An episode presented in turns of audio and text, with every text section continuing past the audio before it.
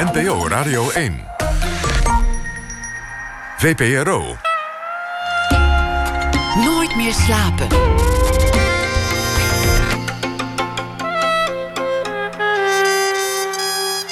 Met Floortje Smit. Welkom bij Nooit meer slapen.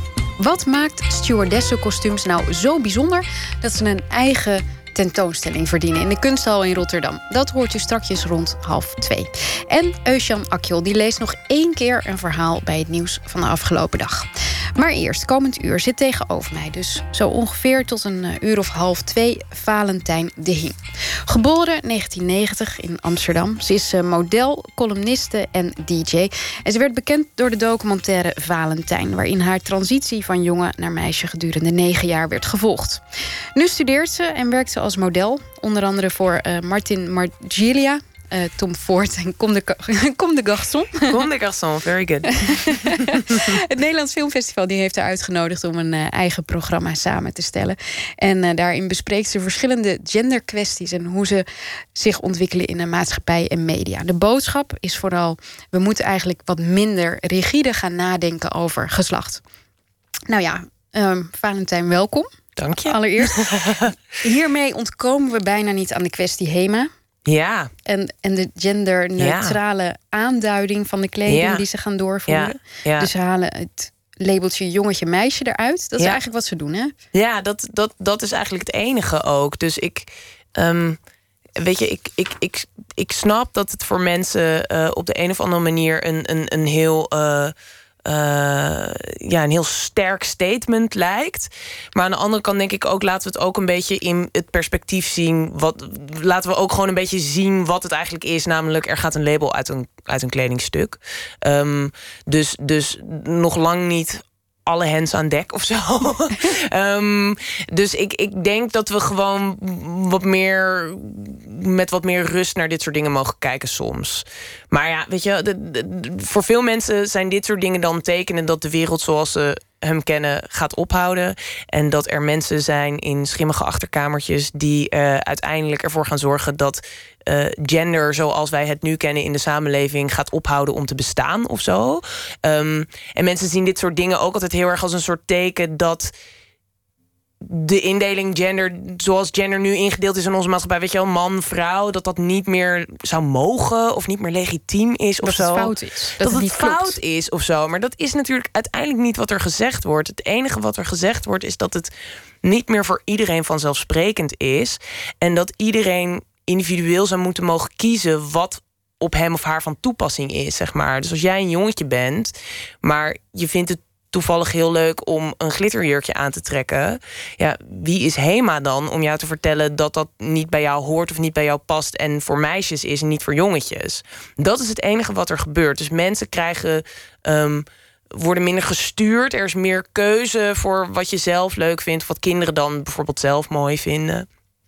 Um, in plaats van dat, dat daar een. Uh, ja, weet je wel, dat er, dat, er, dat er een groot bedrijf als HEMA is die daar richting aangeeft of zo. Maar dat betekent verder helemaal niet dat we geen man meer zouden mogen zijn of geen vrouw meer zouden mogen zijn. Weet je, als jij je daar goed bij voelt en je bent een vrouw en je wil graag een jurk aan. Mag dat ook? Go for it. weet je wel? You do you. Be yourself. En dat is, dat is denk ik de hele boodschap die mensen missen. Is dat dit uiteindelijk gewoon gaat over een grotere um, individuele vrijheid van de hele groep. En niet alleen maar van een heel klein groepje die um, uh, met, ja, met hun genderidentiteit worstelt of zo. Had het voor jou uitgemaakt toen je zes, zeven jaar was en je, je liep door de HEMA in Lelystad? In Lelystad, inderdaad. Ja, want ik kom inderdaad niet uit Amsterdam. Uh, ik ben geboren en getogen in Lelystad. En ben daar op een gegeven moment uh, ook hard weer weggehold. toen ik daar de kans voor kreeg. Dus ik laat me er niet voorstaan dat ik in Lelystad geboren ben, per se. Um, maar. Uh, ja, had het uitgemaakt? Ik, ik, vind het een, ik vind het een grappige vraag, omdat ik natuurlijk hier toch ook zit op de manier waarop ik hier nu zit. Um, en dat is me gelukt ook met eh, ook in een maatschappij waar eh, eh, kleding wel gewoon nog gelabeld was als jongetjeskleding en meisjeskleding.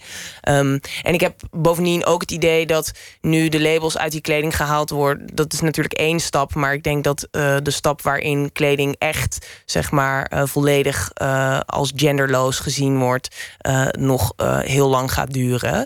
Dus ik denk dat we er nog lang niet zijn. Maar um, had het het makkelijker gemaakt? Um, misschien. Misschien wel. Weet je wel, het is, het is natuurlijk sowieso.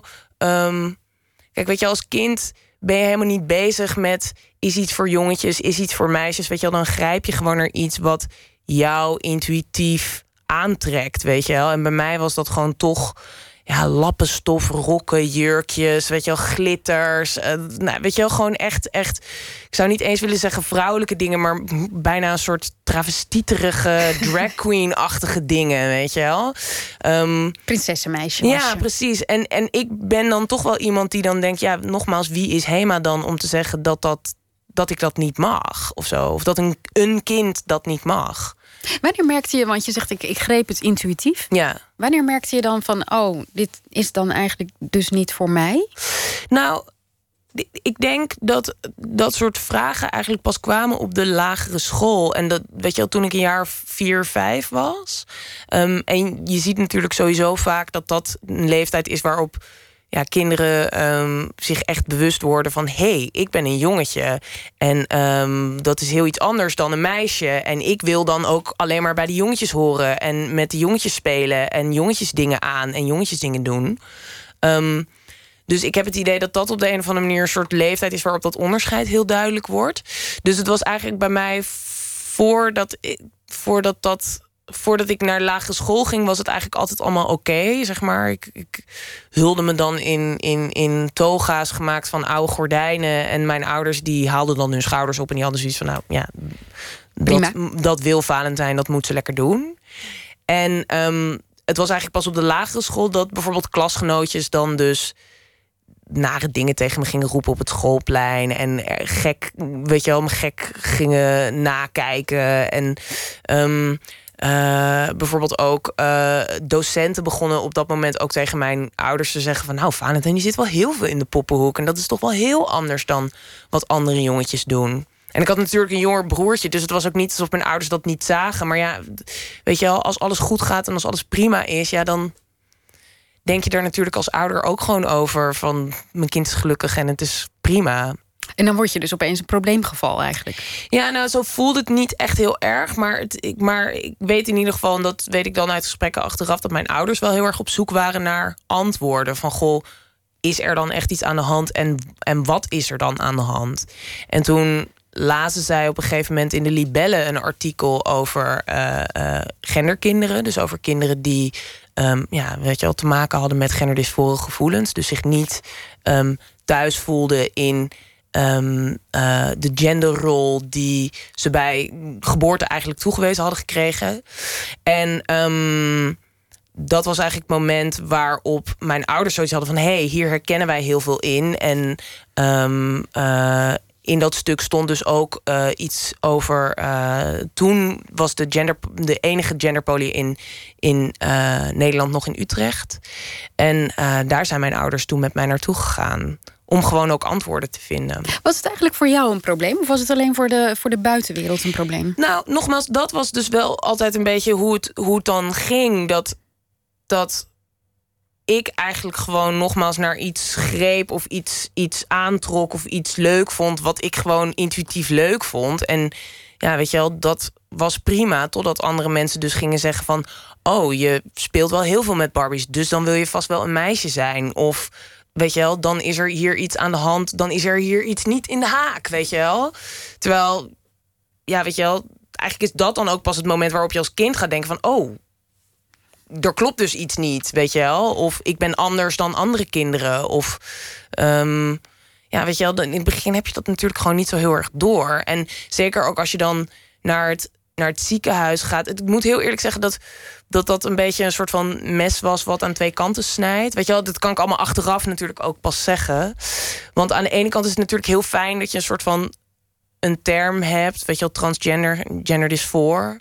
Um, waarmee je aan andere mensen kan uitleggen wat er een beetje aan de hand is tussen aanhalingstekens, of wat je doormaakt of wat je voelt. Dus het, dus het, het kreeg op de een of andere manier kreeg het een bepaalde bestemming of zo. Maar aan de andere kant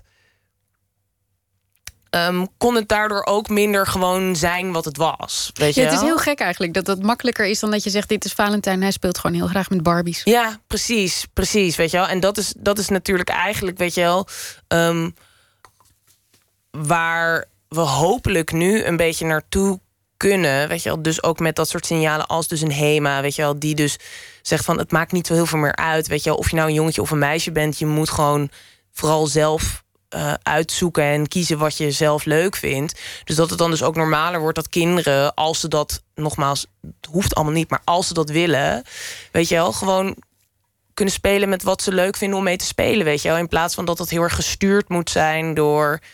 Uh, door iets anders. Of dat waar ze naar grijpen meteen heel erg duidelijk iets zegt over wie ze zijn. Of wat ze willen zijn. Of dat er iets mis is of zo. Weet je wel. Ik denk nogmaals, met dat soort dingen, laat het allemaal gewoon een beetje gaan. Gaan, gebeuren, weet je wel, chill. En, en, en dat is dus, weet je wel, dus zo'n ophef over zo'n helemaal, dan denk ik.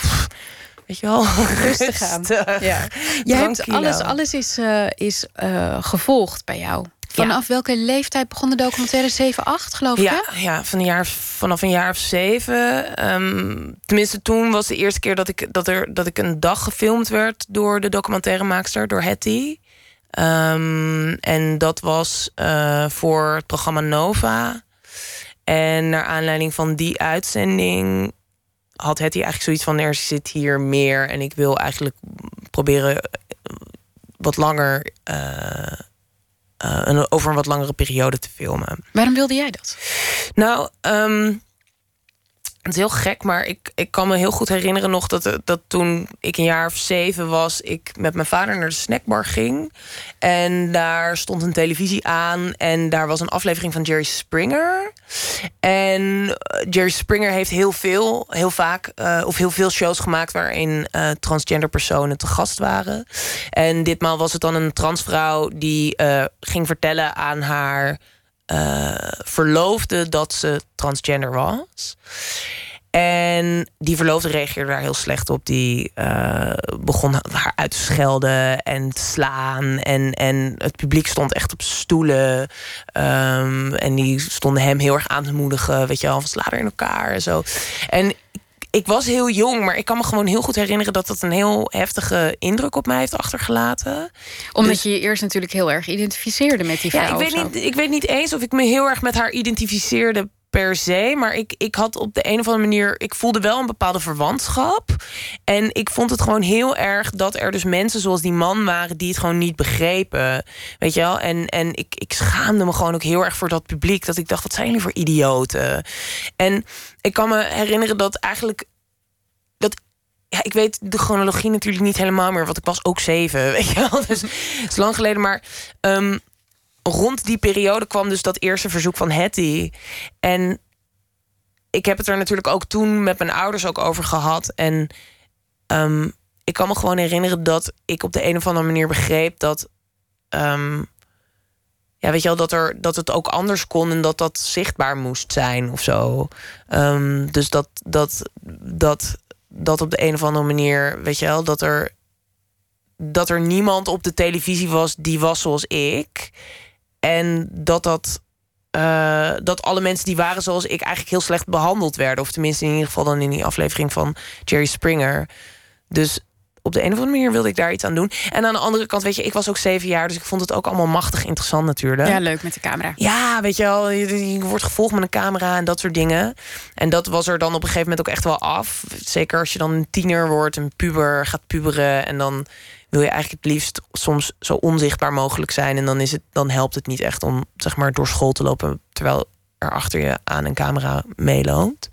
Wat op zich niet, het was niet elke dag, maar we filmden dan een aantal keer per jaar, weet je wel. En ik begon op een gegeven moment gewoon steeds meer ook te denken van, god, moeten we weer?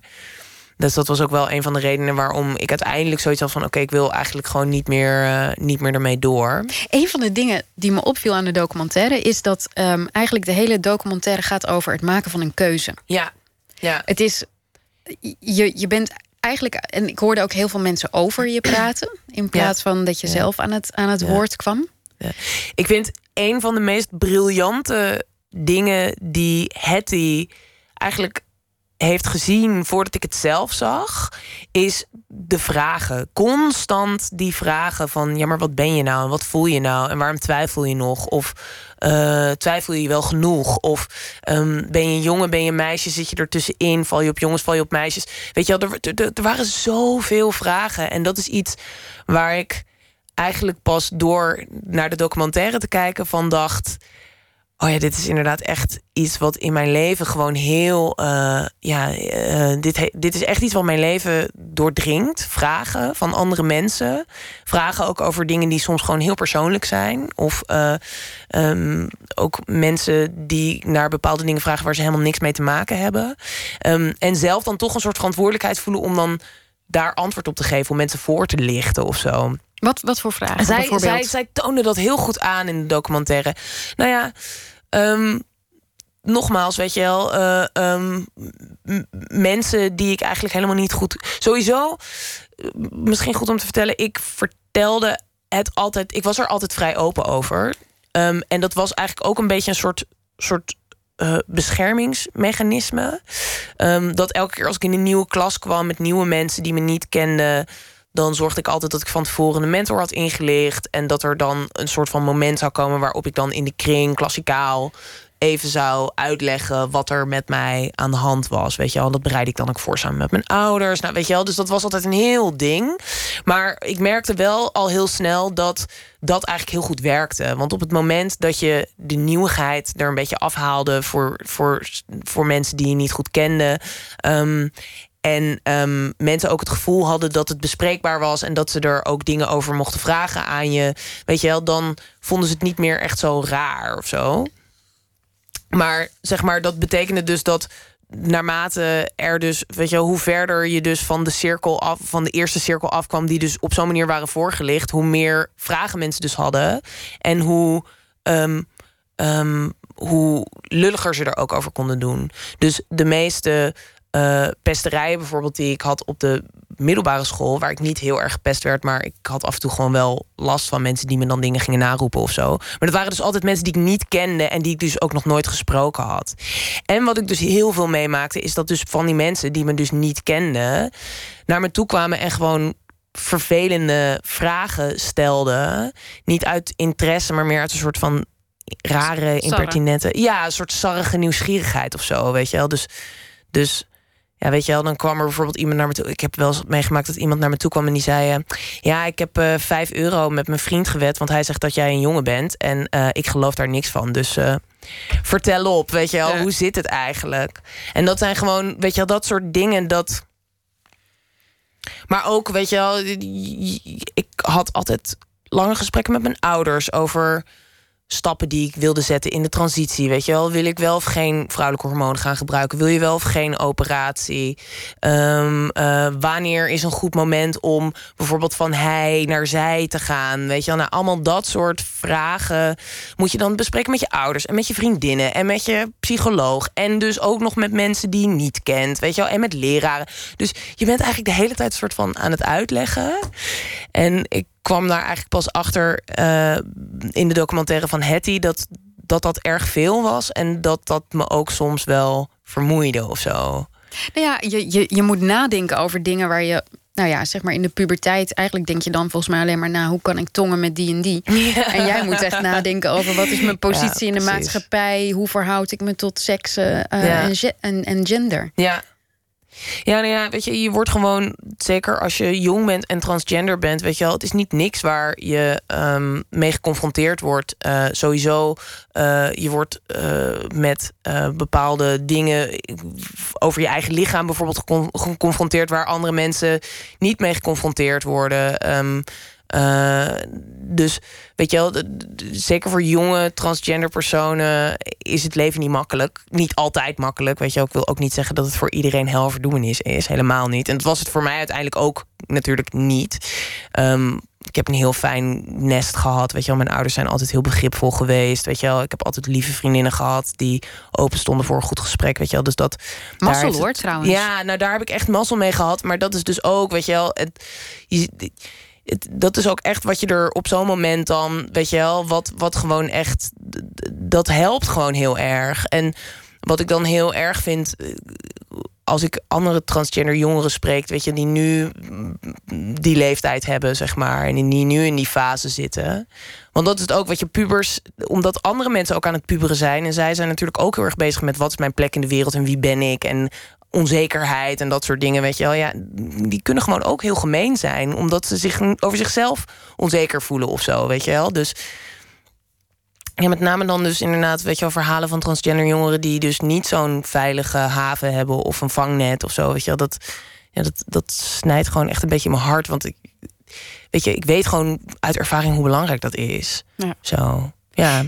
Je had dus, je bent, je bent die hele jeugd lang eigenlijk vanaf het moment dat je, dat je uh, de toelen uit uh, de kast greep, ben je eigenlijk geconfronteerd met, met vragen. Mm -hmm. uh, dan kies je uiteindelijk dus voor zo'n operatie. Dacht je dan dat dan al die vragen weg zouden vallen daarmee? Nou, dat was, dat, dat, dat was wel een beetje wat ik dacht. Um, weet je, ik, ik vind het sowieso, vind ik het misschien wel heel even goed om.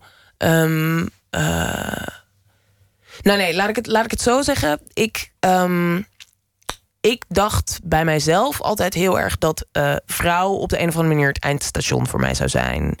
Dus ik, ik heb eigenlijk tijdens mijn hele transitie ben ik bezig geweest met hoeveel vrouw voel ik me eigenlijk en in hoeverre wil ik daar met nou ja, van alles uh, uiting aangeven. Weet je wel, dat, dat sommige mensen voelen zich diep van binnen heel duidelijk van nee, ik, ik voel me vrouw of ik voel me man, weet je wel. En die, die gaan dus ook een transitie in met echt het idee van dit, dit moet het ook worden dan.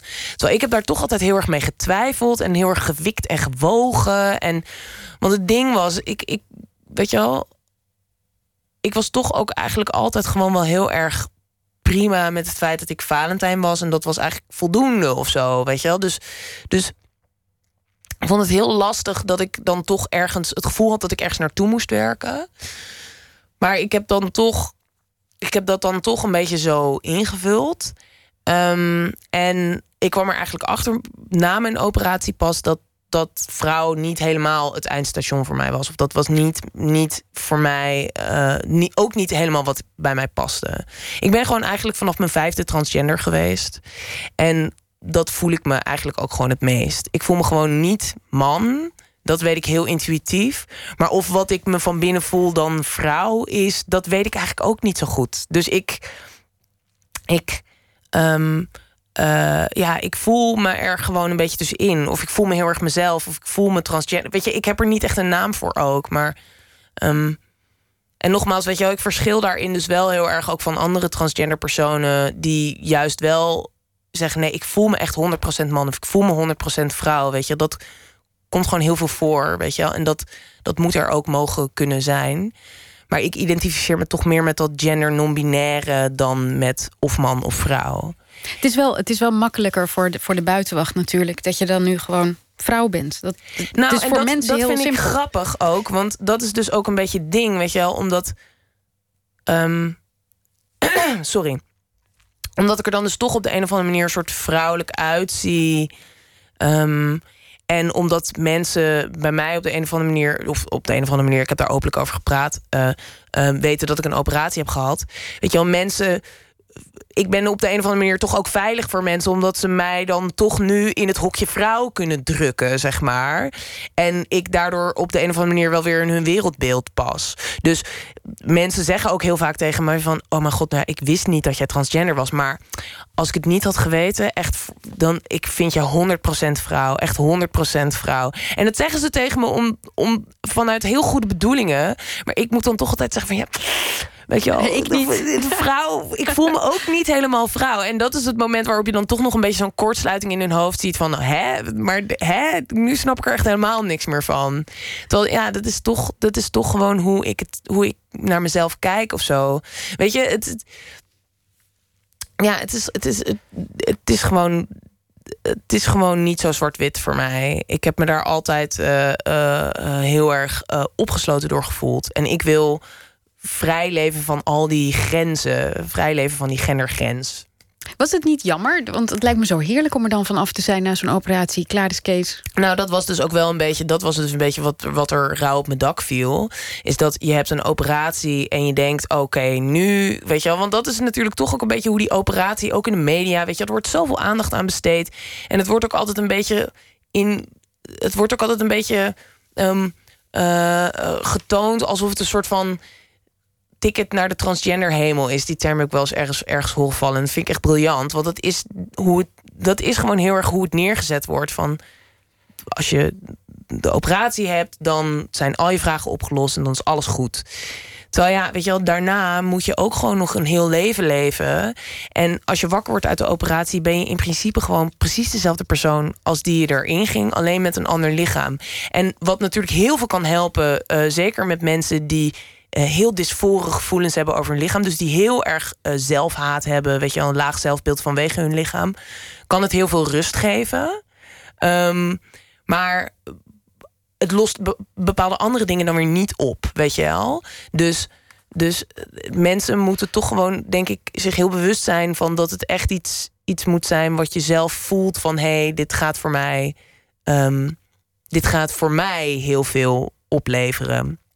Um, en bij mij, ik ben er gewoon achter gekomen dat, dat het voor mij niet heel veel uitmaakt wat voor lichaam ik heb. Weet je wel, als, als, als ik er maar in zit.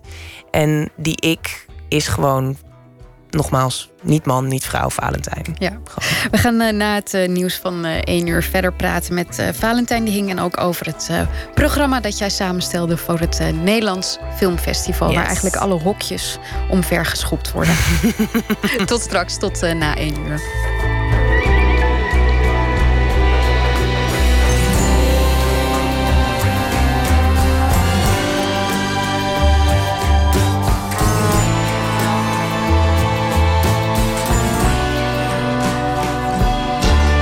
Radio 1, het nieuws van alle kanten.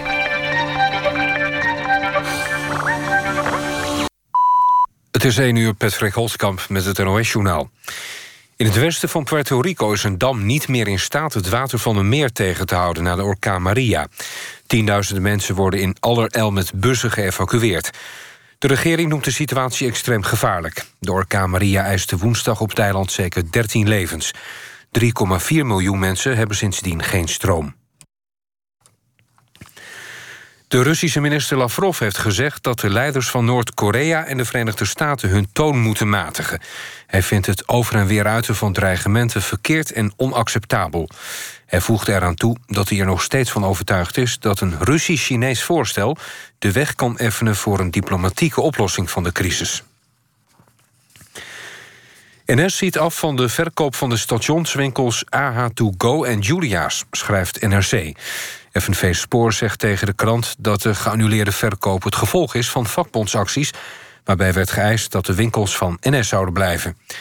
AH2Go zit op 39 stations en Julia's, waar pasta-maaltijden en broodjes worden verkocht, op 19. De stationswinkels van Hema, Starbucks, de broodzaak en Smullers staan nog wel te koop. Op de Zwarte Zee is een vissersboot met Afrikaanse migranten gezonken. Zeker 21 mensen zijn verdronken en 9 mensen worden vermist. Nog eens 40 migranten zijn gered. Migranten proberen steeds vaker om via de Zwarte Zee... naar de EU-lidstaten Roemenië of Bulgarije te vluchten. De reacties op de Brexit-speech van de Britse premier May zijn niet erg enthousiast. De Europese Brexit-onderhandelaar Barnier noemde de toespraak constructief, maar weinig concreet. May wil na de brexit-datum in april 2019... een overgangsperiode van twee jaar om een definitieve regeling uit te werken. Maandag gaan in Brussel de onderhandelingen over de brexit verder. Het weer. Vannacht en komende ochtend kans op mist. In de middag geregeld zon bij een graad of 18. Zondag wordt het 21 graden. Dit was het NOS Journaal. NPO Radio 1. VPRO. Meer slapen.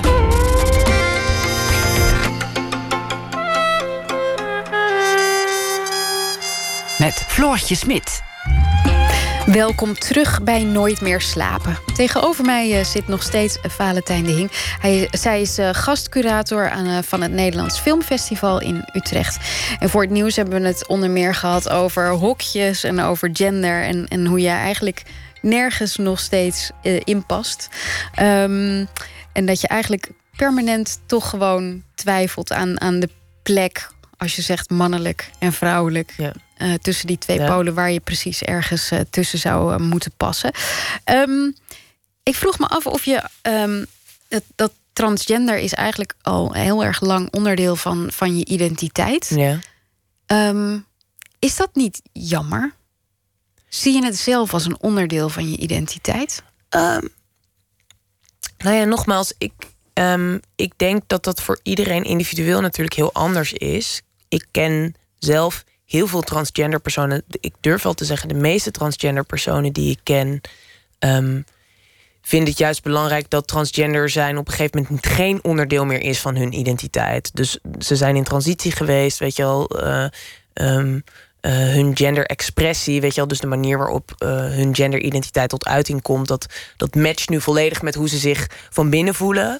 En op dat moment hebben ze zoiets van: nee, ik ben, ik ben man, ik ga als man door het leven, of ik ben vrouw, ik ga als vrouw door het leven, en nu is het klaar voor mij.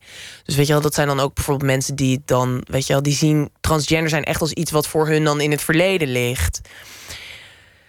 Ja, en dat is gewoon, dat is voor mij individueel, gewoon voor mij persoonlijk niet hoe ik me voel. Ik voel mij gewoon toch heel verwant met dat idee van.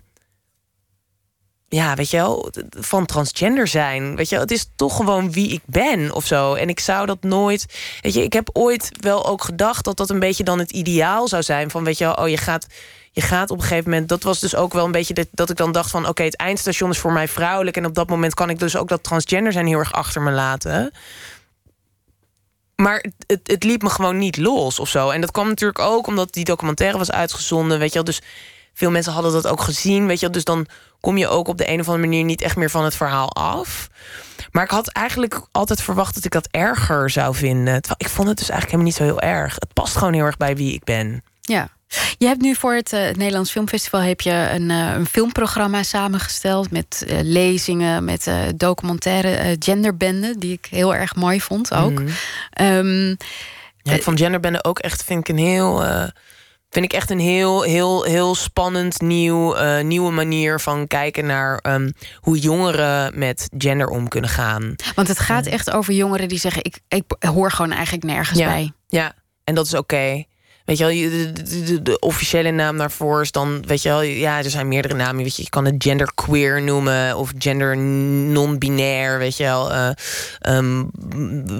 het hangt er natuurlijk van heel erg van de persoon af wat ze dan zelf het prettigst vinden. Maar het komt erop neer dat het, het mensen zijn voor wie de hokjes man of vrouw niet per se uh, iets zijn waar zij zich heel erg mee uh, identificeren of verwant mee voelen. Dus zij, zij leven tussen de hokjes in, om de hokjes heen, zeg maar. Uh, um, maar niet in een van de twee hokjes. Is dat nu makkelijker, denk je, dan, dan bijvoorbeeld tien jaar geleden? Nou ja, kijk, toen ik nogmaals jong was. Um, was er niet zoiets als genderbende op de televisie of uh, überhaupt beschikbaar. Ik kan me nog wel heel goed herinneren, want ik, ik heb dus eigenlijk vanaf mijn vijfde tot mijn negentiende gelopen bij een kinderpsycholoog die, um, nou ja, weet je wel, gespecialiseerd was in uh, uh, werken met genderkinderen. Um, en zeker in het begin gingen die gesprekken eigenlijk vooral gewoon over hoe goh, pesten, hoe ga je daarmee om, weet je wel. Dus, dus het ontwikkelde zich natuurlijk ook een beetje in, in wat we dan bespraken. Maar wat ik me wel kan voor wat ik me wel nog heel goed kan herinneren, is dat er op een gegeven moment dan dus ook in, in, in het gesprek ter sprake kwam van goh, weet je, in de toekomst, hoe zie je dat dan? En weet je wel, ja, want je kan, er zijn zoveel opties. Je kan als man door het leven gaan, je kan ook als vrouw door het leven gaan en, en, en daar ook een bepaalde medische transitie uh, in volgen. Maar ja, zei, de, zei mijn psycholoog dan van er zijn ook heel veel mensen en die, die leven er een beetje tussenin. Dus die leven dan de ene dag wat meer mannelijk en de andere dag wat meer vrouwelijk. Of uh, vinden daar een andere uh, manier voor. En ik kan me nog herinneren dat ik dat als kind zo abstract vond. Dat zei me eigenlijk helemaal niets. Dus ik, had, ik kon me totaal geen voorstelling maken van hoe dat, zeg maar, gewoon praktisch in de realiteit, zeg maar, hoe dat eruit zou zien. Iemand die tussen de hokjes in leefde, zeg maar. En, en dat is eigenlijk altijd voor mij een soort van abstract ding gebleven. Totdat ik helemaal aan het einde van mijn transitie ook na mijn operatie naar Amsterdam ging. En uit begon te gaan in de queer scene. En uit begon te gaan in de gay scene. En daar gewoon zoveel mensen tegenkwam die. Ja, weet je wel, op een heel andere manier invulling gaven aan hun gender. Uh, of aan hun genderidentiteit. Dus toen kwam ik eigenlijk pas heel erg in aanraking met. Oh hé, hey, maar zo kan het dus ook. Terwijl daarvoor, ja, weet je, ik groeide op in Lelystad, waar je gewoon, nogmaals. Um, je koos de jongenskleedkamer of je koos de meisjeskleedkamer. Weet je wel, er was niks anders dan man of vrouw. En daar moest je dus kiezen. Weet je, dus daarom vind ik het dan heel goed dat er nu documentaires zoals Genderbende zijn, die gewoon laten zien dat er mensen zijn die het ook op een heel andere manier invullen. En die buiten de hokjes durven te denken.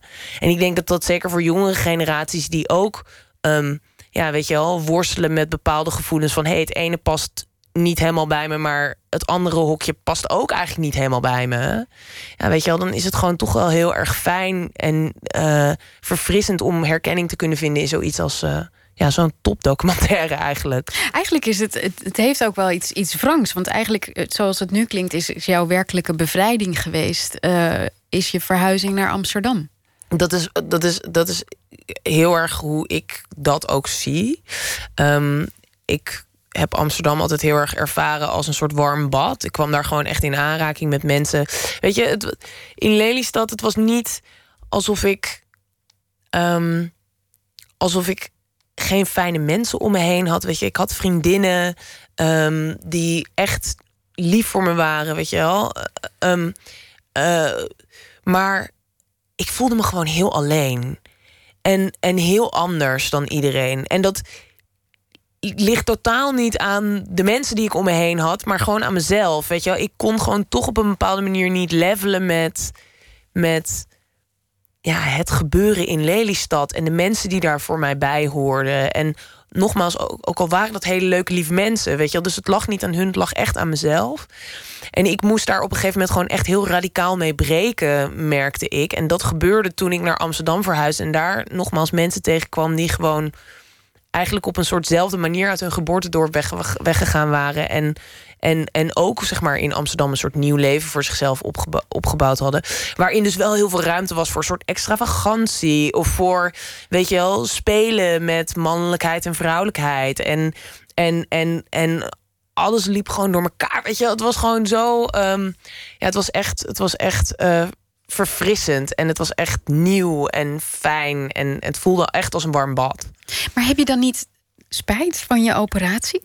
Ik, uh, ik heb geen spijt. Sowieso niet. Um, ik had persoonlijk misschien iets langer willen wachten. Dus willen wachten tot na het moment dat ik um, terug, of na het moment dat ik naar Amsterdam verhuisd was. Weet je, ik had altijd heel erg het idee van: oké, voordat ik het leven kan gaan ervaren, moet ik eerst die stap zetten of zo. En dat is ook heel erg, nogmaals, wat je dan ook een beetje ingeprent wordt op de manier waarop de operatie dus toch heel veel in de media ook wordt gebracht. Weet je, het wordt echt gebracht als een soort van hierna kan je leven eindelijk beginnen. Dus het is natuurlijk ook een beetje een mythe waar je dan als transgender persoon zelf ook een beetje in gaat geloven, weet je wel. Terwijl aan de andere kant denk ik misschien toch ook dat het niet zo heel erg was geweest om het leven eerst een beetje te ervaren en daarna als je dan toch nog het gevoel hebt van hé, hey, weet je wel, er klopt echt iets niet dan voor die operatie te kiezen. Maar dan is het wel, je bent dan wel later. Dus dat betekent dat je uh, in de puberteit. Nee, je maar, dat, puberteit maar dat is een heel ander verhaal. Want, want als je zeg maar. Ik, ik, ik, ik ben heel blij dat ik op mijn twaalfde ben begonnen met puberteitremmers. En ik ben ook heel blij dat ik op mijn zestiende ben begonnen met, uh, met uh, vrouwelijke hormonen. En nogmaals, mijn operatie is ook een heel belangrijke stap in mijn, in mijn proces geweest. Ik, ik, ik vind hem alleen. Um, het heeft evenveel vragen opgeworpen als dat het, als dat het beantwoord heeft. Dus daarin is het, is het wat ambiguur of zo. Dan nogmaals, weet je wel, voor heel veel transgender personen beantwoordt het ook heel veel vragen, weet je wel. Of, of, of maakt het heel veel duidelijk. Terwijl bij mij was het eigenlijk gewoon, weet je wel, bleef de onduidelijkheid eigenlijk gewoon na de operatie nog een beetje bestaan. Dus daarom ben ik er toch altijd redelijk sceptisch over. Ik ben gewoon een beetje sceptisch misschien. Maar dat betekent niet dat ik er spijt van heb. Maar het ding is wel gewoon dat. Um, ehm, eh, weet je, de operatie ehm, kan je in principe op elke leeftijd nog doen. Je kan sowieso alles nog op elke leeftijd doen. Ehm, want dat is natuurlijk eigenlijk ook een beetje een, een soort idee wat nu bestaat. Is dat als je aan iemand kan zien dat iemand transgender is of uh, een transgender verleden heeft, weet je wel, dan dat, dat, dat wordt dan gezien als iets slechts of zo. En daarom, weet je wel, zijn we natuurlijk ook bezig om um, ja, voor heel veel kinderen, weet je wel, uh, daarvoor te behoeden op de een of andere manier. Um, door ze dus inderdaad, als ze in puberteit komen, puberteitsremmers te geven, zodat ze nog wat langer de tijd hebben om over dingen na te denken. Um, en, en vanaf je zestiende mag je dan beginnen met uh, cross-gender hormonen. Um, en nogmaals, ik zeg helemaal niet dat dit een slechte manier is van dingen aanpakken, want dat is ook zo. Maar aan de andere kant verstopt het soms wel een beetje waar we ook over zouden moeten nadenken. En dat is dat het misschien niet altijd even erg is dat je aan iemand kan zien dat hij of zij transgender is. Um, want nogmaals, een heel groot gedeelte van de, van de discriminatie waar transgender personen mee te maken hebben, is gebaseerd op, ja, weet je wel, uh, transvrouwen die nog een beetje mannelijke trekjes hebben. Of transmannen die uh, waar, waaraan je nog bepaalde uh, vrouwelijke trekjes kan zien. Weet je wel? En, en ik vind dat dat ook moet veranderen. Weet je wel? Dat je dus, dat je dus in principe je genderidentiteit mag zijn zonder dat dat per se. Zonder dat je dan heel erg lijkt of zo. Snap je? Ik vind dat zo'n raar concept dat je moet lijken voordat je echt bent wie je bent. Wie het je wil is cultureel gezien natuurlijk uh, lastig, denk ik. Omdat, uh, omdat als je iemand bijvoorbeeld voor het eerst ontmoet, ga je scannen. Ja. Dan ga je kijken en dan wil je gewoon heel graag een antwoord. Moet ik hem aanspreken met, met hem ja. of met haar? Oh, de taal biedt ook niet meer uh, woorden dan dat. Nou, inmiddels zijn er dus heel veel mensen die een. of heel veel mensen zijn er mensen die het prettig vinden om een onzijdig woord te gebruiken. Hen. Mm -hmm. Dus hen ging naar de kapper en uh, hen ging een uh, stokbrood halen en dat soort dingen. Um, maar nogmaals, dat, is, dat, dat wordt echt weinig gebruikt. Dus ik begrijp dat dat voor, voor de luisteraars thuis misschien nog een beetje raar klinkt. Ver. Überhaupt grammaticaal ook uh, raar zal klinken. Ja. Um, gaat voor veel mensen misschien nog een beetje te ver. Maar vraag het gewoon aan iemand op een aardige, respectvolle manier. Dus niet van, hé, hey, ben jij een zij? Weet je wel, dat, hoeft, dat kan natuurlijk ook anders. Maar je kan ook zeggen van, hey, het spijt me als ik hiermee... Uh, als, als dit geen prettige vraag voor je is, maar ik wil graag weten... Uh, uh, vind je het prettig als ik je als hij of zij aanspreek, zeg maar. En dan, kan iemand, dan heeft iemand in ieder geval zelf beschikking... over wat, wat dat antwoord dan is. Want wij zijn, en dat is natuurlijk ook wat er wat er een beetje kleeft aan zo'n discussie als een, als een NS-bericht of zo. Wij zijn er gewoon wij zijn eraan gewend dat um, het meteen duidelijk moet zijn of iemand een hij of een zij is. Um, of dat iemand zich een hij. En dat iemand die eruit ziet als een hij of een zij.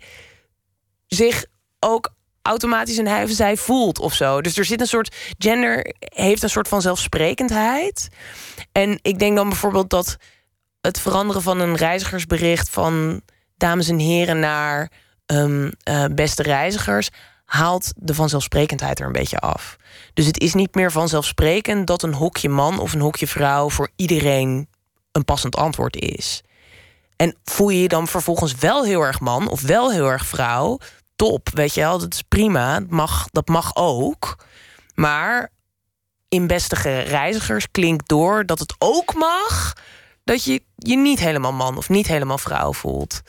En het is een beetje in die vanzelfsprekendheid waar we volgens mij of waarvan ik denk dat het fijn zou zijn als we daar een beetje van afgaan.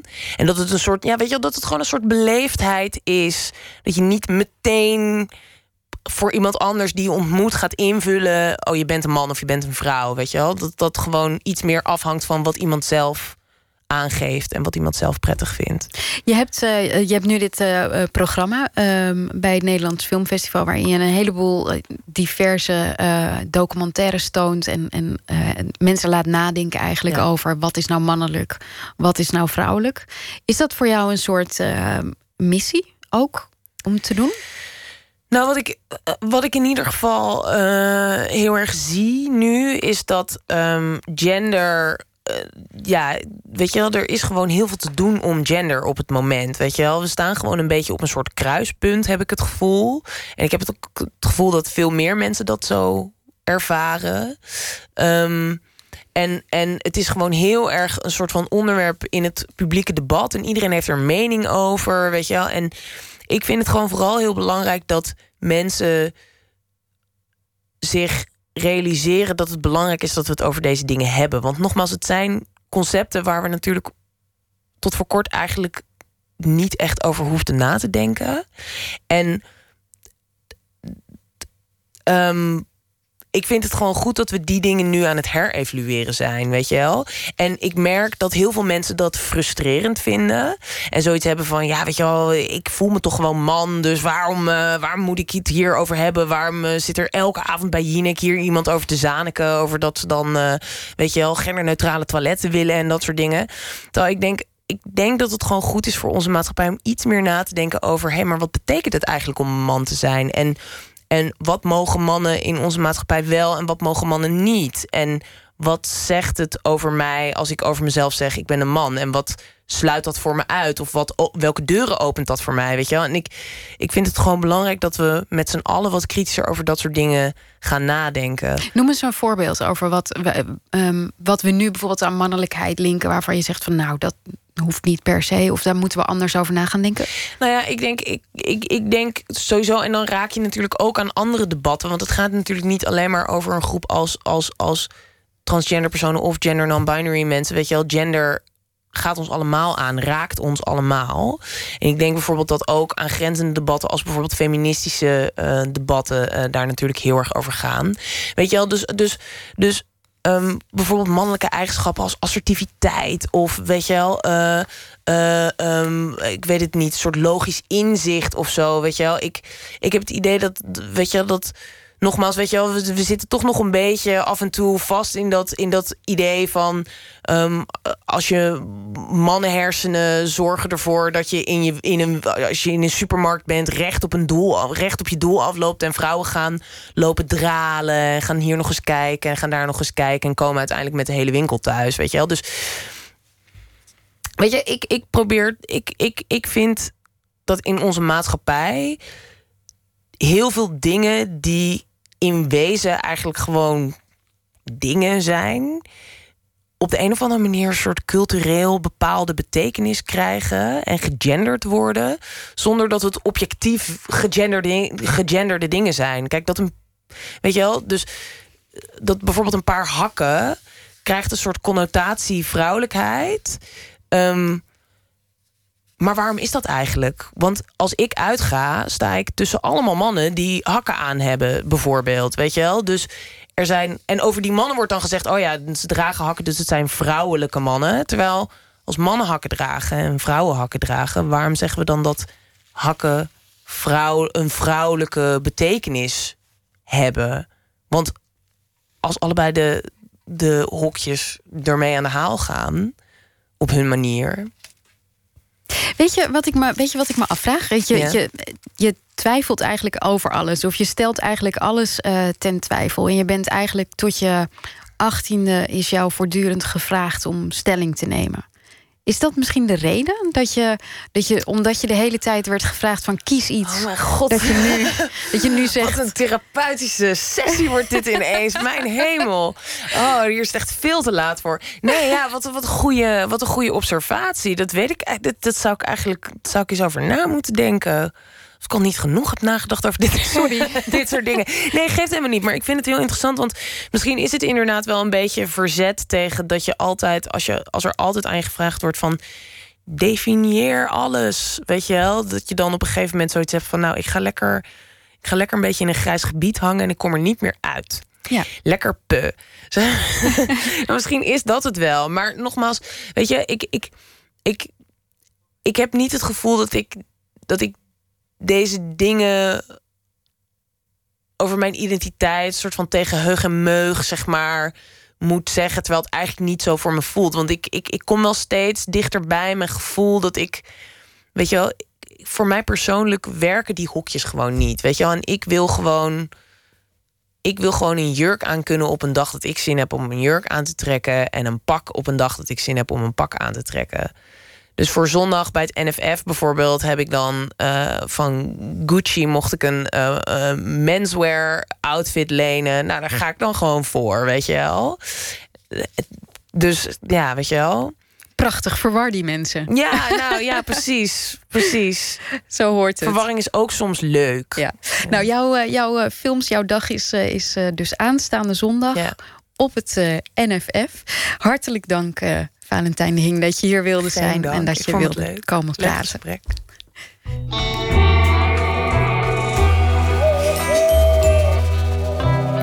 Hij had een veel bewogen leven, de Schotse singer-songwriter Jackie Leven. Hij was net begonnen als soloartiest in 1984 eh, en toen werd hij aangevallen op straat. Een daad van zinloos geweld. Hij werd uh, zelfs bijna gewurgd. Daarna kon hij dus twee jaar niet praten of zingen en raakte aan de heroïne. Uiteindelijk uh, ging het uh, goed met hem. Hij kikte af. En in uh, 2011 stierf hij, weliswaar op 61-jarige leeftijd, aan kanker. Maar hij liet prachtige muziek na. Zoals dit nummer Portoen.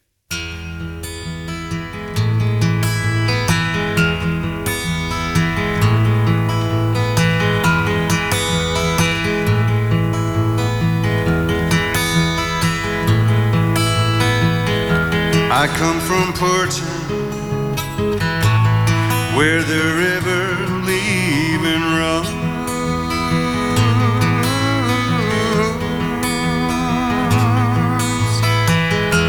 The mills are gone now, the reservoir glints in the sun.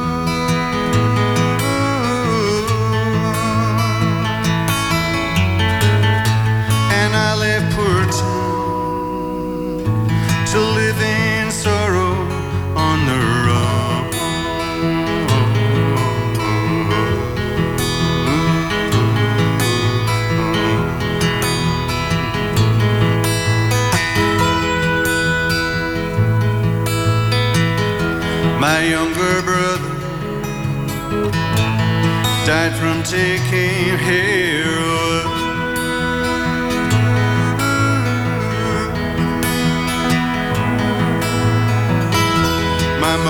Takes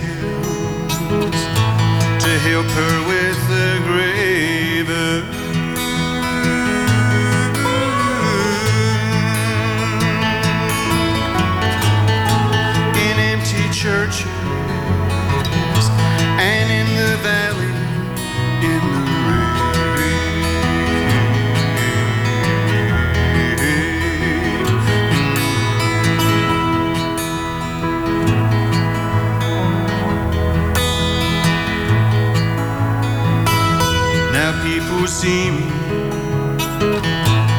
having trouble with the drink.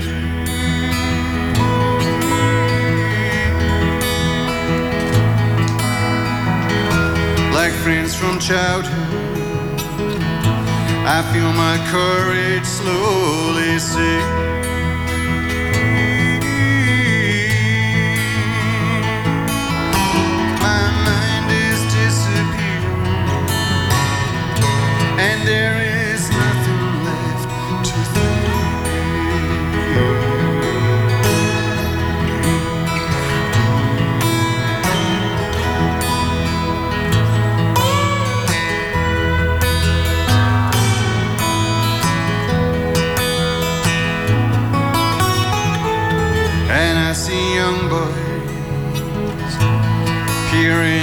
Peering into burned out cars.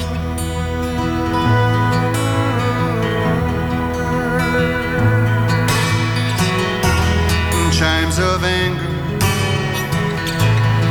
The children stand outside the bar.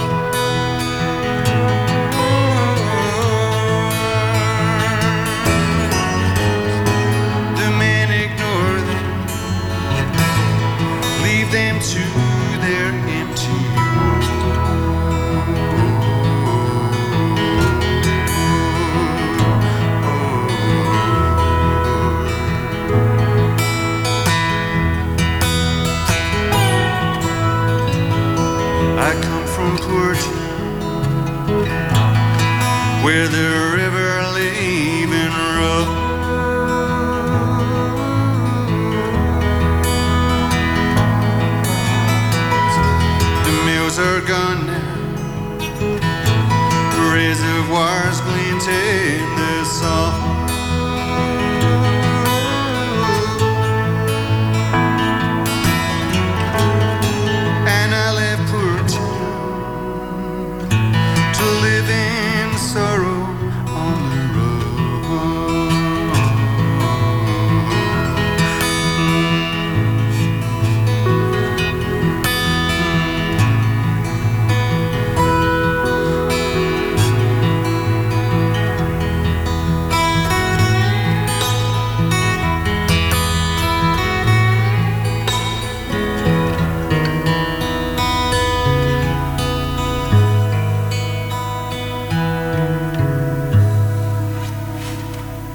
uitzichtloze leven in het eh, dorpje Poorten. De melancholie ten top is dit. Jackie Leven was dit van het album Fairy Tales for Hardman uit 1997. Elke week vragen we een schrijver of een dichter om met proza te reageren op het nieuws van de voorbije dag. En deze week wordt dat verzorgd door Eusjan Akjol, schrijver van de romans Eus en Toeris. Afgelopen zomer maakte hij de persoonlijke documentaire serie De Neven van Eus. En hij omschrijft zichzelf op zijn site als plat, grof en zeer geborneerd. Goedenacht, Eus. Ik moet zeggen, die kwalificatie kwam van eh, iemand anders van de krant. Die Oh. vond mij plat, grof en zeer geborneerd. En dat vond ik wel ironisch, want volgens mij ben ik precies het tegenovergestelde. Je klinkt ook niet eh, plat, grof en zeer geborneerd. Nee, ik ben een heel lieve jongen, maar ik heb een, ehm, ik heb een boeventronie. Dus dan gaan mensen steeds denken dat, dat, dat ik een vervelende jongen ben of zo. Maar dat ben ik helemaal niet. Dus mijn uiterlijk werkt altijd tegen mij. En dan moet je het ook niet op je website zetten misschien. Nou ja, het is toch wel grappig dat iemand zich eh, baseert op eh, uiterlijke kenmerken en misschien een beetje brani en dan tot zo'n eh, one-liner komt die dus eigenlijk nergens op slaat. Ja. Nou, weet je, we schrappen hem gewoon. Wat was jouw nieuws van vandaag? Ehm, nou, ik eh, eh, reed eh, eh, door een dorp en dan zag ik een aankondiging staan van dat de asielzoekerscentra in het hele land morgen een open dag hebben. Dus dat mensen elkaar kunnen ontmoeten op die terreinen. Ja. Ehm, en dat er dan culturele dingen worden uitgewisseld om elkaar beter te leren begrijpen. Ja. Ehm, maar ja, er stonden echt dingen bij waarvan je je afvroeg... is dit nou sarcastisch bedoeld of is dit echt een manier om het andere volk, het nieuwe volk... eh, kennis te laten maken met hoe wij hier leven... en wat wij in het dagelijks leven allemaal doen. Ehm, en ja, dat eh, trok wel mijn aandacht. Dus daar heb je iets over geschreven. Eh, ja, ik heb, een, eh, ik heb dat eh, vertaald in een soort van toes- toespraak of een, een, een welkomstpraatje van iemand die dan morgen ergens, waar dan ook, die mensen gaat toespreken. Laat horen. Lieve mensen, welkom. Wat fijn om te zien dat jullie hier allemaal de dag beginnen met een Afrikaanse dans. En dat er volop wordt gekickboxd op het terrein. Terwijl de dames onze oude, afgedankte kleding onder handen nemen in jullie eigen gloednieuwe wasseretten. Fantastisch, de integratie is in dit asielzoekerscentrum duidelijk volledig in gang gezet. Dan is het nu de beurt aan ons. We gaan zo meteen koek happen en zak lopen, want dat is wat wij Nederlanders nu eenmaal doen. De hele dag door. Als jullie ooit volwaardig onderdeel van onze maatschappij willen zijn, is het verplicht om straks in klompen aan te sluiten bij de cursus spiegelschrijven, blik gooien en spijkerpoepen. U denkt misschien, eh, wat een eigenaardig volk, die Nederlanders. Maar dit zijn nu eenmaal onze tradities. En daar houden wij ons graag aan vast. Daarnaast moet u weten dat we een zeer tolerant volk zijn. Maar wie zich niet in onze specifieke volksaard kan vinden... doet er beter aan om meteen op te krassen. Even een pers- persoonlijk advies ter afsluiting. Ikzelf zal om 12 uur het rollenspel leiden met de veelbetekenende titel... Hoe voelt het om Nederlander te zijn? Tijdens dit spel zal ik u deelgenoot maken van al mijn zorgen en ongemakken... want die zijn minstens zo belangrijk als uw persoonlijke verhalen en trauma's. Hiermee komt inderdaad, voor wie het zich afvroeg, een andere cursus te vervallen... namelijk die met de titel Hoe voelt het om een vluchteling te zijn? Dat weten we inmiddels allemaal wel. Veel plezier en geluk allemaal. Laten we het Nederlanderschap vieren met elkaar. Zal ik jou wat bekennen, Eus? Uh, ja, graag. Ik ben vandaag op een buurtbarbecue geweest met, uh, met vluchtelingen. Daar kom ik net vandaan. Die hadden heerlijk voor ons gekookt. Je ging toch niet lopen en blik gooien en spijkerpoepen met die mensen? Nee, dat deden, we er niet, uh, dat deden we er niet bij. Maar het kan natuurlijk wel goed zijn voor de integratie, wil ik maar zeggen. Ja, nee, maar ik ben helemaal geen tegenstander van die ontmoeting. Helemaal niet. Alleen, ik denk, uh, waarom moet je dat soort dingen met hen gaan doen... terwijl jij en ik dat ook niet doen in het dagelijks leven? Dat is gewoon iets uit het verleden. Uh, maar dat hoort helemaal niet bij ons alledaags bestaan. Dus waarom gaan wij dan uh, met die mensen zak lopen en koekappen? Dat, dat doen we toch gewoon nooit eigenlijk? Ja, met Koninginnedag natuurlijk. Maar zelfs daar niet meer, geloof ik, hè? Nee, zelfs dan is het al echt een karikatuur geworden. Dus ja, ik vind het niet zo effectief. Dat is eigenlijk meer mijn punt. Ik bedoel, ga met die mensen echt praten. Uh, leg ze uit, echt uit wat we hier allemaal doen. Uh, ook het hele idee van met een Afrikaanse dansen beginnen. Ik kan me niet voorstellen dat je die mensen daarmee een plezier doet. Uh, maar ja, blijkbaar moeten alle clichés worden bevestigd en uitvergroot worden... om toch niet de mogelijke overeenkomsten die er zijn... maar juist de verschillen te benadrukken. Dat vind, uh, dat vind ik ook. En je hebt het prachtig uh, verwoord. Eusjan Akjol was dat. Hartelijk dank voor je bijdrage van uh, vanavond en van deze hele week. Dankjewel. Goeiedag. Goeienacht. De Nigeriaanse Britse zanger Kele Okereke werd bekend als zanger van de band Block Party. Maar hij onderhoudt ook een solo carrière. Binnenkort verschijnt zijn nieuwe derde album Fatherland. En hiervan is alvast het nummer Streets Been Talking.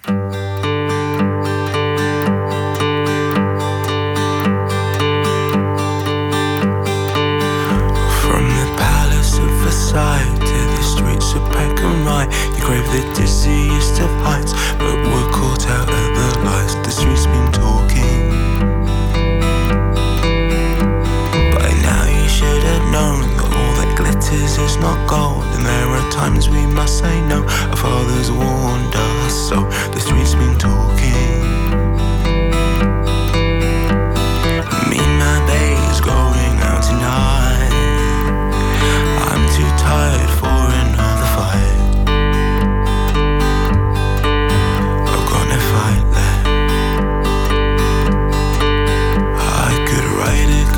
song that says how happy I've become. Now I use my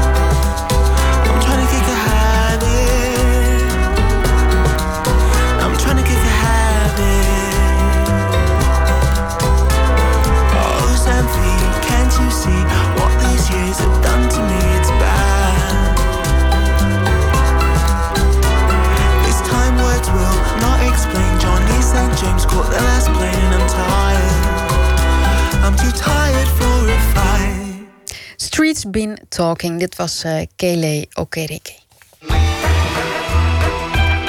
Nooit meer slapen. Cliff Muskiet is een purser bij de KLM en hij heeft een hobby.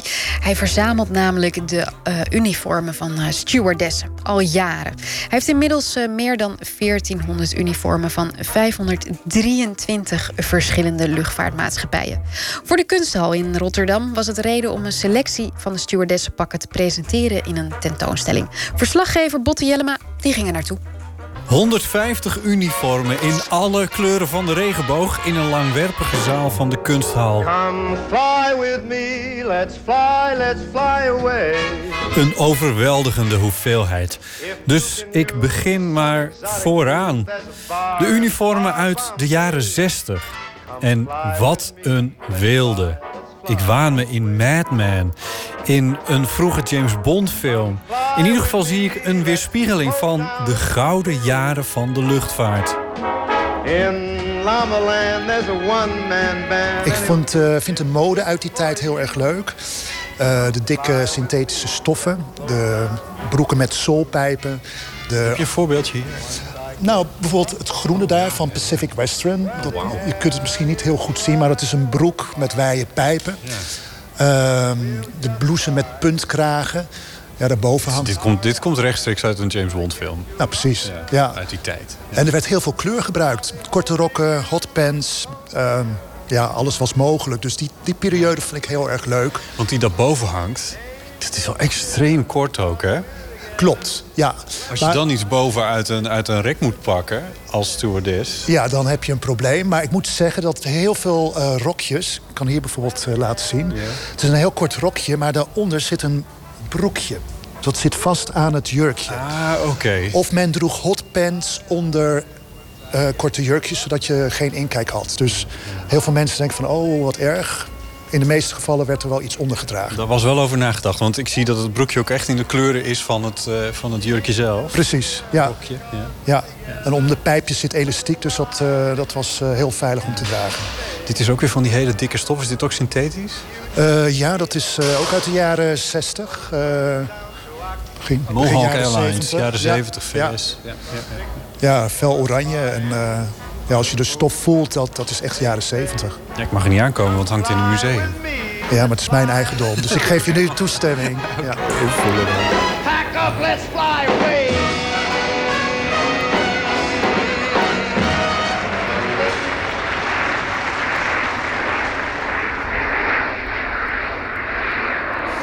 Het is begonnen, um, nou ja, heel lang geleden. Ik ben al vanaf mijn vijfde gek op burgerluchtvaart.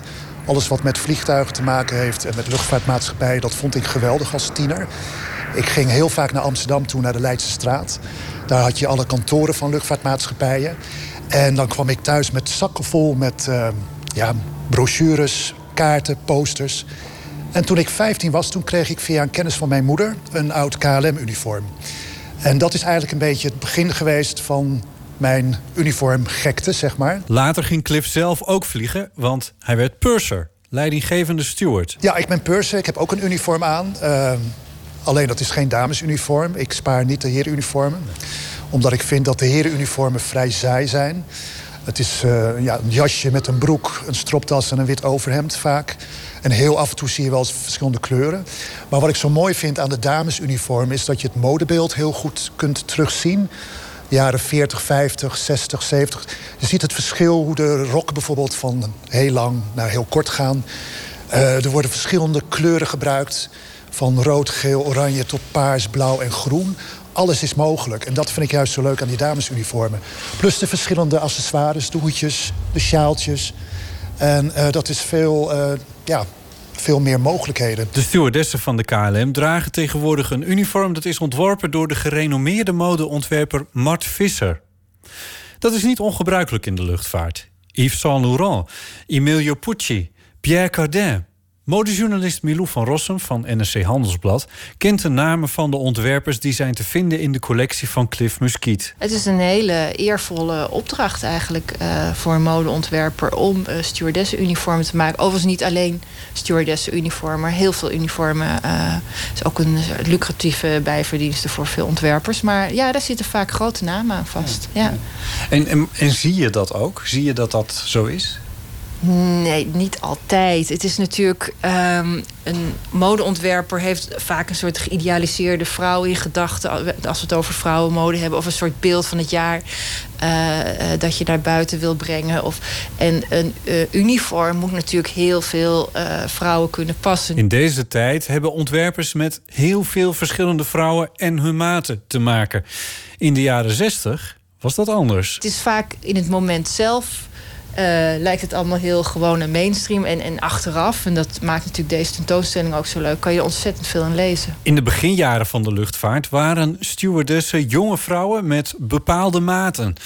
Stewardess was een glamoureus beroep en daar hoorden glamoureuze vrouwen met glamoureuze maatjes bij zodat ze de glamoureuze kleding pasten. Volgens mij uh, vlogen er toen uh, relatief veel mannen, zakenmannen. Vrouwen werkten nog niet zoveel. En uh, die stewardessen, ja, hoe ze neergezet werden in die tijd... dat waren een soort veredelde animeermeisjes op een bepaalde manier. Het mooiste voorbeeld wat dat betreft was de Amerikaanse maatschappij Braniff. Die liet de uniformen maken door Emilio Pucci uit Milaan. Het zijn hele kleurrijke, frivole uniformen. En je kan je bijna niet voorstellen dat een stewardess daarin gewerkt heeft. Pucci is een merk dat uh, bekend staat om de enorme kleurige prints. Dat zag er fantastisch uit. En er is een uniform met een uh, spacehelm, een plastic helm. Uh, die werd gedragen over het hoedje heen... zodat het eh, haar en het hoedje niet nat werd wanneer er ja, wanneer het regende buiten. Maar er was ook een advertentie waarin je dan um, een, een, meisje met een soort hotpants pakje omhoog ziet reiken, waardoor dat allemaal nog hoger gaat. En dan zo'n man die op een stoel zo met zo'n zo naar naartoe zit te kijken van. Uh... En, um, Kun je het beschrijven? Ja, Send in the Clowns, zou ik zeggen. het, is, het is een soort uh, tuniek met een, een maillot en een hoed, allemaal in dezelfde print. En er zit uh, blauw, paars, geel, wit en uh, groen in. Het is een heel druk geheel. Uh, wat ik net noemde, had ook uh, een soort filmpje, een reclamefilmpje. En dat heette The Strip. En daarin zie je hoe zo'n stewardess uh, dan steeds haar outfit verandert. En dan trekt ze iets uit en dan trekt ze iets aan. Maar de stewardess deed tijdens de vlucht elke keer iets anders uit en iets anders aan. Dus er werd met laagjes gewerkt. Dus dat, dat, dat was heel opvallend. En alleen maar ter entertainment natuurlijk van de, uh, van de gast. Dus ze kwam in een uniform aan boord. En dan halverwege de vlucht ging de rok uit. Er zat er een soort van pofbroek onder. En dan hadden ze bijvoorbeeld schorten, die ook weer op een soort van jurk leken. Dat was heel bijzonder en ook leuk voor de passagiers om, om dat te ervaren. Ja, en dat is natuurlijk totaal veranderd nu. Dat kan echt niet meer. Nee, nee gelukkig maar. Ja. Ja. ja. Dat lijkt me ook niet echt... Uh... Nee, maar goed, als, je, als je die oude James Bond films kijkt... dat zijn soms ook halve verkrachtingen wat die man doet. Dat is verschrikkelijk. Ja, dus wat dat betreft is het echt heel interessant... dat zo'n uh, hoe de stewardess uh, gekleed gaat... zegt iets over de luchtvaartmaatschappij. Hè, wat wat zo'n luchtvaartmaatschappij wil uitstralen... is iets over het land waaruit, het, waaruit de luchtvaartmaatschappij komt. Maar het zegt dus ook heel veel um, over de positie van de stewardess. De functie van de stewardess, hoe ze gezien werd. En daarmee eigenlijk ook iets over de uh, positie van vrouwen. Natuurlijk is er veel veranderd. Als je verder de zaal in loopt, zie je dat ook aan de uniformen van de stewardessen. Formeler, het straalt meer autoriteit uit. Ja, klopt. Passagiers zijn mondiger geworden. Er gebeurt uh, veel meer uh, aan boord dan vroeger. Mensen zijn veel eisender geworden. En af en toe lees je wel eens op internet uh, dat er ja, incidenten zijn. Gelukkig heb ik die zelf nog je nooit meegemaakt. Ik zou net zeggen, je, je, ja, je, vliegt zelf ook. Ik vlieg zelf ook. Ik heb het gelukkig nog nooit meegemaakt... dat iets zo ontzettend uit de hand loopt. Nee. Soms moet je wel eens optreden en dan is een uniform heel fijn. En dan ja. is het fijn om een uniform aan te hebben... wat een soort van autoriteit uitstraalt. Uh, mijn buurvrouw is uh, uh, KLM-stewardess. Een soort freelance-achtig of zo. Ja. Ik weet niet hoe het werkt, maar zo af en toe. En soms komt ze dan inderdaad thuis... of staat ze ineens in het trappenhuis ja. met, met dat pak aan. En dan toch ineens denk ik... oh, Oh, oh ja. hier is het veilig. Nou, ik heb, ja. ook zo, ik heb dus ook een buurvrouw die bij de KLM werkt. Ja, en uh, het heeft toch iets... Uh, als je ze ziet lopen of in de tram stappen of onderweg, het heeft iets. Nou ja, onaantastbaar hebben ze bijna iets. Hè? Ja. En dat zit toch ook in die kleding? Dat zit totaal in die kleding en het haar. En, en, en, en, het, het, ehm, en toch de, eh, de herkenbaarheid van KLM. En de, dat, is heel, dat is heel knap dat dat allemaal zo eh, in die kleding, ja, die kleding zit. Nou, als iemand nog eh, uniformen of onderdelen in de kast heeft liggen... of ergens in zolder in een eh, verborgen hoekje... Is dat hoe je eraan komt? Nou ja, dat is natuurlijk wel eh, een van de mogelijkheden. Dus je moet alles aanpakken. Dus mocht iemand nog iets hebben... Dan je aanbevolen. Ja, via mijn website kunnen ze contact met me opnemen. uniformfreak.com. Want ik dacht, jij schrijft gewoon maatschappijen aan... op het moment dat zij wisselen van, van uniform. Dat jij zegt van jongens, stuur me er even eentje. Ja, klopt. Dat doe je ook. Doe ik ook. Ik doe alles. Maar je hebt ik ga langs bij maatschappijen. Ik spreek bemanningen aan. Eh, van andere maatschappijen in andere landen... In overal ja, in, ja. over de hele wereld. Precies, mag ik een sjaaltje hebben en soms krijg ik het, soms niet. Jeetje, joh. En eh, zo kom ik aan mijn spullen. En, en hoe reageren mensen erop? Soms heel leuk en dan eh, krijg ik het. En soms dan kijken ze me aan van wat, wat, wat, wat moet die man? en dat is soms gênant. Maar ja, als je het niet probeert, dan... eh, Dan ja. kom je nooit in de kunsthal. Nee, precies. Dus eh, het heeft wel ergens toe geleid. Come fly with me, let's fly, let's fly. Pack up, let's fly away.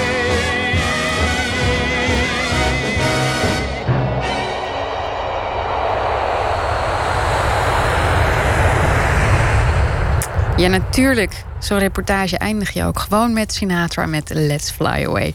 Eh, dat was eh, Cliff Muskiet, purser en verzamelaar van stewardessenuniformen van over de hele wereld. En de selectie van zijn enorme verzameling is dus te zien vanaf morgen tot 4 februari in de Kunsthal in Rotterdam. En hier is onze favoriete band uit eh, Canada. Hun laatste plaat, Everything Now, is zowel verguisd als bejubeld. En wij draaien het nummer Electric Blue, gezongen door Regine Chassange. Hier is eh, Arcade Fire.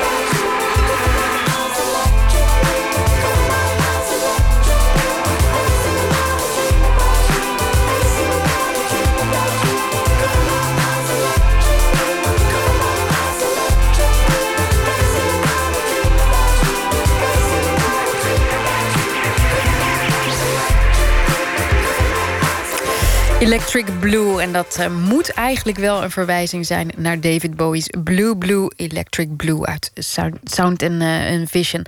Want Bowie was, uh, dat weet u vast, een grote invloed op de band Arctic Fire. En die hoorde u zojuist.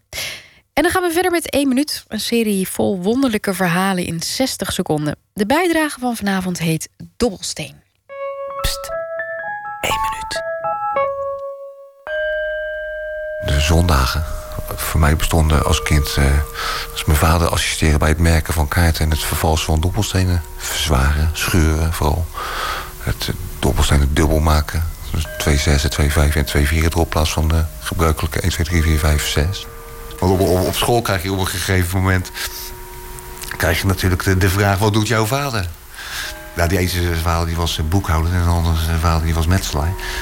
En uh, ja, ik wist daar niet het antwoord. Maar ik op een gegeven moment ook niet dat ik dat van thuis als opdracht meekreeg. Maar had ik wel gemeld van... mijn vader maakt dobbelstenen voor mensen eigen niet. dat vond ik wel een leuk antwoord. Maar die gekte ging gewoon in de gevangenis door. In zijn cel, zeg maar. En dan zat hij met een mesje uh, dobbelsteentjes te maken van zeep. Op zijn sterfbed lag hij nog te gokken. Twee jaar geleden. Junk. Mijn vader. U hoorde 1 minuut, gemaakt door Marije Schuurman-Hes... met dank aan het Mediafonds. Poëzie nu, van uh, Angie Kroeg. En zij is een van de meest invloedrijke dichters van Zuid-Afrika. Afgelopen weekend was ze op Nacht van de Poëzie. En ter ere van haar 65ste verjaardag verscheen onlangs een bundel... met 25 van haar mooiste gedichten, Waar ik jou word. U hoort het gedicht Om bemind te worden door een dichter.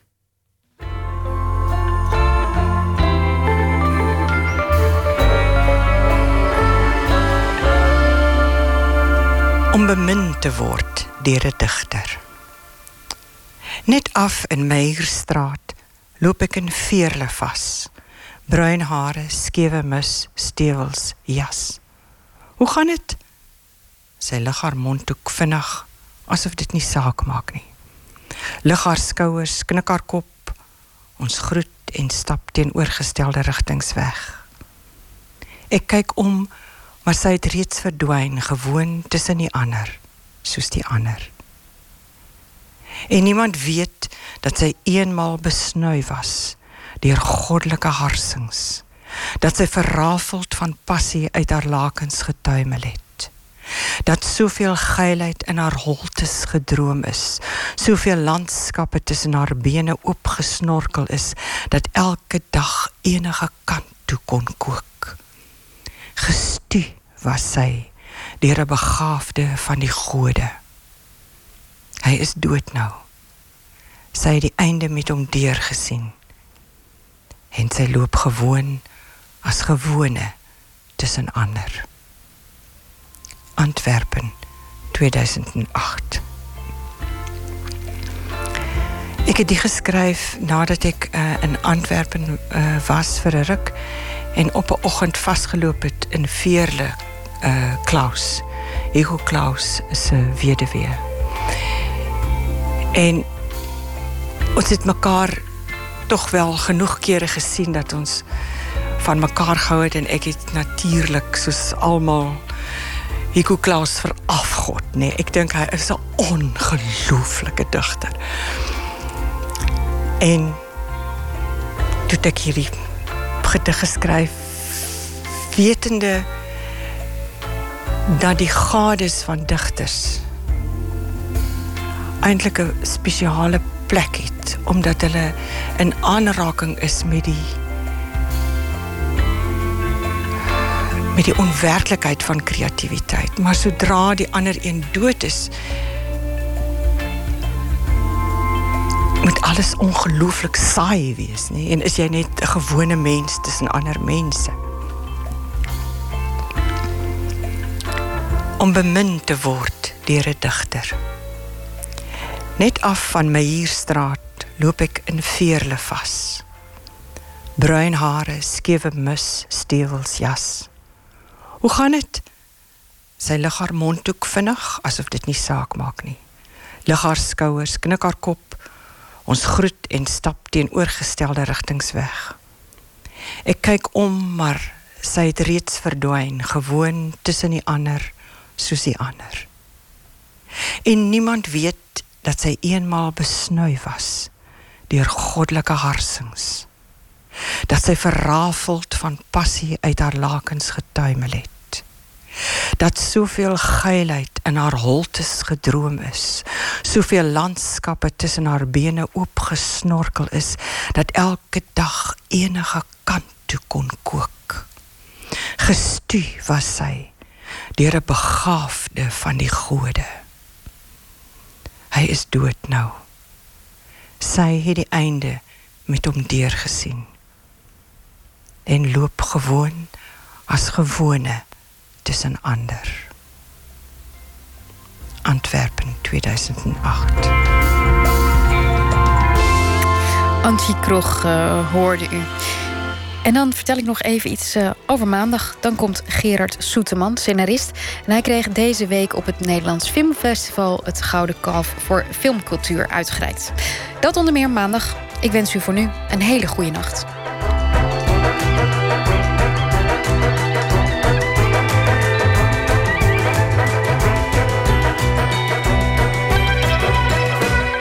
Op Radio 1, het nieuws van alle kanten.